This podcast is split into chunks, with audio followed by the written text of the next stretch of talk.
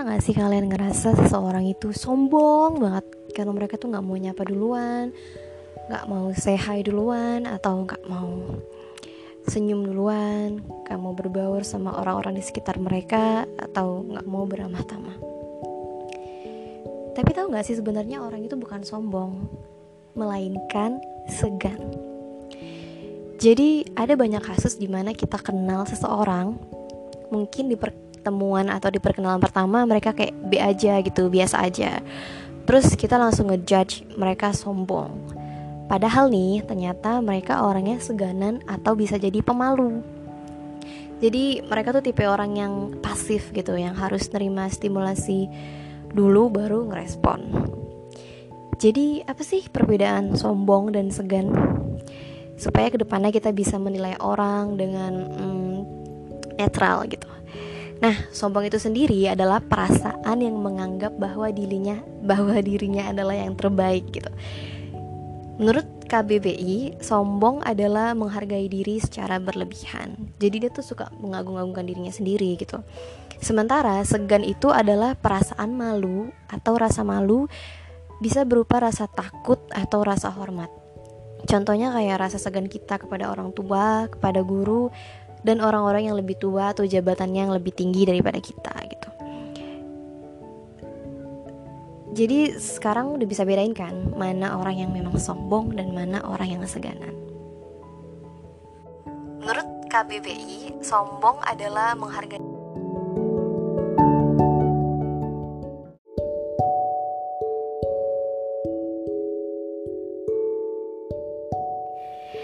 Kalau aku secara pribadi sih ngerasa bahwa diriku tuh orang yang tipe yang seganan gitu.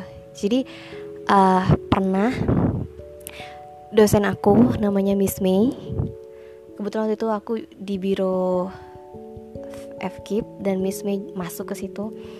Waktu itu aku lagi ngobrol sama temanku dan Miss May masuk. Aku waktu itu pengen gitu say hi atau nyapa Miss May gitu kan. Hai Miss apa kabar? gitu. Tapi lidah aku tuh mendadak keluh gitu Kenapa? Karena Miss May itu tipe orang yang vibesnya tuh kerasa banget.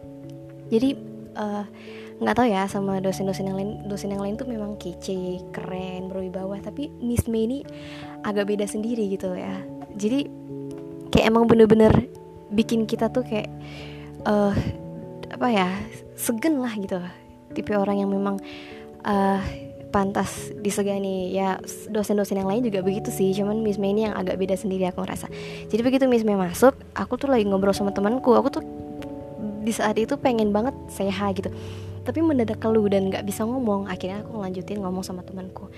Mungkin Miss May nggak dengar suara aku dan beliau ngerasa kok aku tuh nggak menyapa dosen gitu kan. Padahal aku tuh jelas-jelas ada di situ dan Miss May juga baru masuk gitu mungkin dalam pikiran Miss May waktu itu aku sedikit atau sombong atau aku nggak tahu lah ya pemikiran Miss May waktu itu. Dan aku ngerasa aduh mati lah udah kena judge nih pasti.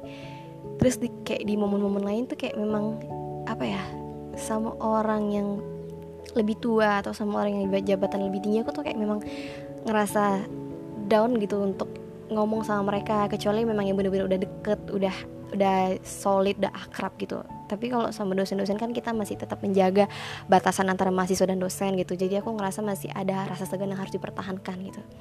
Itu yang bikin aku ngerasa eh, nggak uh, bisa ngomong seenaknya atau nggak bisa hai miss gitu nggak bisa gitu. Tetap uh, harus tunduk uh, apa ya sopan gitu. Pokoknya tetap harus menghargai batasan-batasan antara mahasiswa dan dosen gitu. Nah kasus yang kedua kebetulan aku tuh lagi PPL di SMK gitu. Jadi biasanya kita tuh kalau PPL tuh kan ada jatah atau bagian jaga piket ada bagian ngajar gitu. Jadi pas kebetulan jaga piket meja piket itu kan ada di di luar di depan ruang guru BK sementara guru, ruang guru BK ini pisah dari ruang guru gitu. Jadi uh, kalau udah sampai di sekolah biasanya aku tuh langsung duduk di meja piket gitu. Nggak masuk ke ruang guru dan itu udah berlangsung selama sebulan lebih gitu ya. Dan akhirnya kita dapat protes dari guru-guru yang mengatakan bahwa aduh anak PPL tuh kok sombong-sombong sekali gitu ya. Nggak mau berbaur sama guru gitu. Begitu datang langsung duduk di meja piket gitu. Uh, mungkin guru-guru ngerasa bahwa kita nggak mau berbaur sama mereka. Sementara perasaan kita sebagai mahasiswa PPL tuh kita ngerasa kayak segen gitu. Mau join sama mereka gitu. Kayak uh, itu kan memang udah ruangan mereka.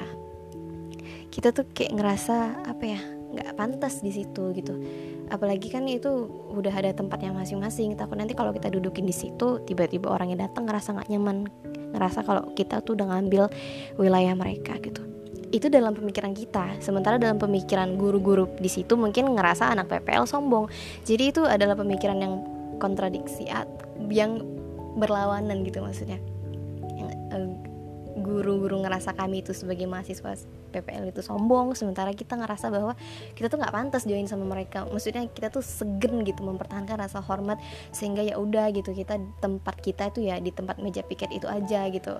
Ya walaupun pada akhirnya kita jadi sering-sering main ke ruang guru karena memang kita ngerasa ya udah deh kita ngalah kita harus berbaur gitu. Ya memang seharusnya begitu cuman karena kita mempertahankan rasa segan dan menghormati mereka gitu kan. Selama ini bukannya karena kita sombong. Nah jadi di situ aku bisa nyimpulin bahwa kok cepet banget ya orang bisa ngejudge orang lain sombong. Sementara orang itu mungkin segen gitu. Segen atau pemalu. Kan kita udah bisa beda ini makna sombong sama makna segan. Kecuali kami sebagai mahasiswa PPL tuh menganggarkan diri anggar jago anggar jago di situ so hebat gitu. Itu baru bisa dibilang sombong.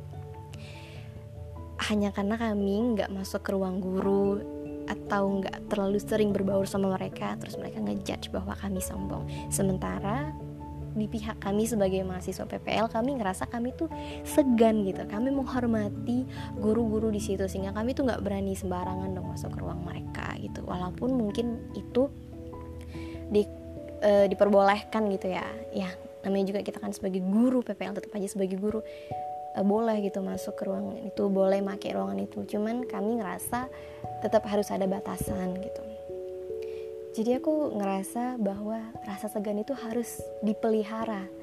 Kenapa? Karena rasa segan itu yang menjadi batasan hubungan antara orang yang lebih tua sama orang yang lebih muda.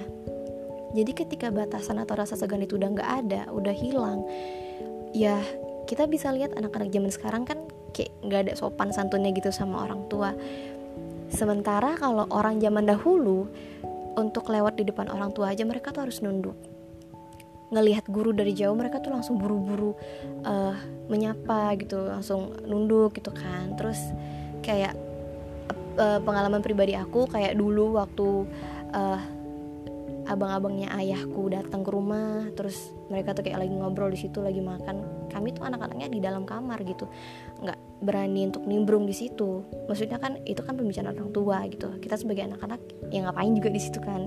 Ya itu kan merupakan salah satu uh, bagian dari sikap sikap seganan atau sikap menghormati orang tua gitu. Jadi kita ngerasa kayak harus ada batasan nih antara kita sama orang tua nah orang tua lagi ngobrol ya udah gitu biarin aja gitu kita sebagai anak-anak jangan di situ Nah, kalau sekarang kan enggak gitu. Kalau sekarang di situ orang tua ngobrol, di situ anak-anak nimbrung. Pada akhirnya kan uh, pembicaraan yang dewasa itu belum saatnya untuk didengarkan sama anak-anak gitu kan. Jadi anak-anak sekarang akhirnya jadi dewasa dewasa lebih dini apa ya uh, bahasanya? Uh, dewasa di usia yang dini ya gitu maksudnya kan. Ya maksudnya belum saatnya untuk menjadi dewasa gitu karena mereka tetap masih anak-anak Nah jadi aku ngerasa rasa segan itu harus terus dipelihara untuk menunjukkan citra menghormati orang tua atau orang yang lebih tua gitu. Sementara mungkin anggapan orang lain kepada orang tersebut bahwa orang itu sombong. Nah, itu adalah pemikiran yang buruk ya sebenarnya. Ada juga lagi satu contoh yang umumnya sering terjadi. Biasanya kita tuh kayak kenal orang gitu kan kita ng ngelihat mereka tuh malu gitu. Kayak suaranya tuh kalau ngomong kecil gitu terus jaga image. Nah setelah kita kenali kita kenal lebih lama kita kenal lebih dalam ketika udah join orang itu malah kita bilang kayak nggak punya malu gitu ah kemarin lu baru pertama kali kenal diem diem malu-malu sekarang kagak punya malu gitu kan. E, seringnya kayak gitu tuh apalagi kalau di tempat kerja gitu kan kayak ada anak baru e, suaranya kecil kalau ngomong jaga image begitu. Udah lama waduh urakan. Udah kagak kayak kagak punya malu emang udah kayak kagak punya sopan santun juga gitu kan. Ya maklum juga kita juga sama teman kita juga kayak gitu. Waktu awal-awal kenal jaim ketika udah lama banget kenal ya udah ngomong pun juga udah nggak ada sopannya gitu. Ejek-ejekan tuh mah udah biasa gitu kan hina-hinaan gitu. Jadi itu tadi karena rasa segannya udah hilang. Jadi kayak sama temen tuh udah nggak ada batasan lagi gitu. Kayak apa pun kita ngomong sama mereka kita bilang karena kita nganggep mereka tuh bisa memaklumi kita gitu. Jadi kita nggak ngerasa ada rasa takut lagi kalau mereka tuh bakal marah gitu. Sementara kalau sama orang yang lebih tua kita tetap harus punya rasa segan. Jadi aku ngerasa kayak rasa segan ini harus menjadi fondasi untuk membatasi hubungan orang yang lebih tua sama orang yang lebih muda. Jadi untuk orang-orang di luar sana, please kalau kalian baru kenal sama orang jangan langsung dibilang segen. Kecuali mereka emang menganggarkan diri emang pamer emang e, ngerasa kayak I'm the best gitu. Terus kayak ngerasa orang lain tuh nggak layak berteman sama mereka nggak pantas deket-deket sama mereka gitu. Kayak ngerasa mereka tuh adalah yang paling paling paling baik. Itulah pras itu adalah definisi yang paling benar untuk sebuah rasa sombong. Nah kalau orang yang nggak menyapa duluan tapi ketika kita senyum mereka senyum nah itu adalah orang yang segan gitu yang harus nerima simulasi dulu baru mereka ngerespon gitu. Jadi sekarang udah bisa kan bedain mana segen mana sombong terus kita sekarang bisa menilai orang dengan lebih clear lebih netral gitu nggak langsung ngejudge gitu dan aku harap semua anak-anak di Indonesia tuh bisa memelihara rasa segan, rasa hormat, rasa sopan kepada orang tua. Yuk kembalikan citra anak-anak menjadi citra anak-anak pada zaman dahulu yang selalu menghormati orang tua, yang selalu segan sama orang tua. Nggak sama orang tua aja sih, pokoknya sama orang yang kita kenal lah gitu. Kan nggak mungkin juga kita begitu kenal langsung kayak nggak punya malu, kayak nggak punya sopan santun, kecuali sama sahabat sendiri yang memang udah lama, yang memang udah bisa maklum apa pun yang kita lakukan dan apa yang kita katakan gitu. So that's all from me. Thank you.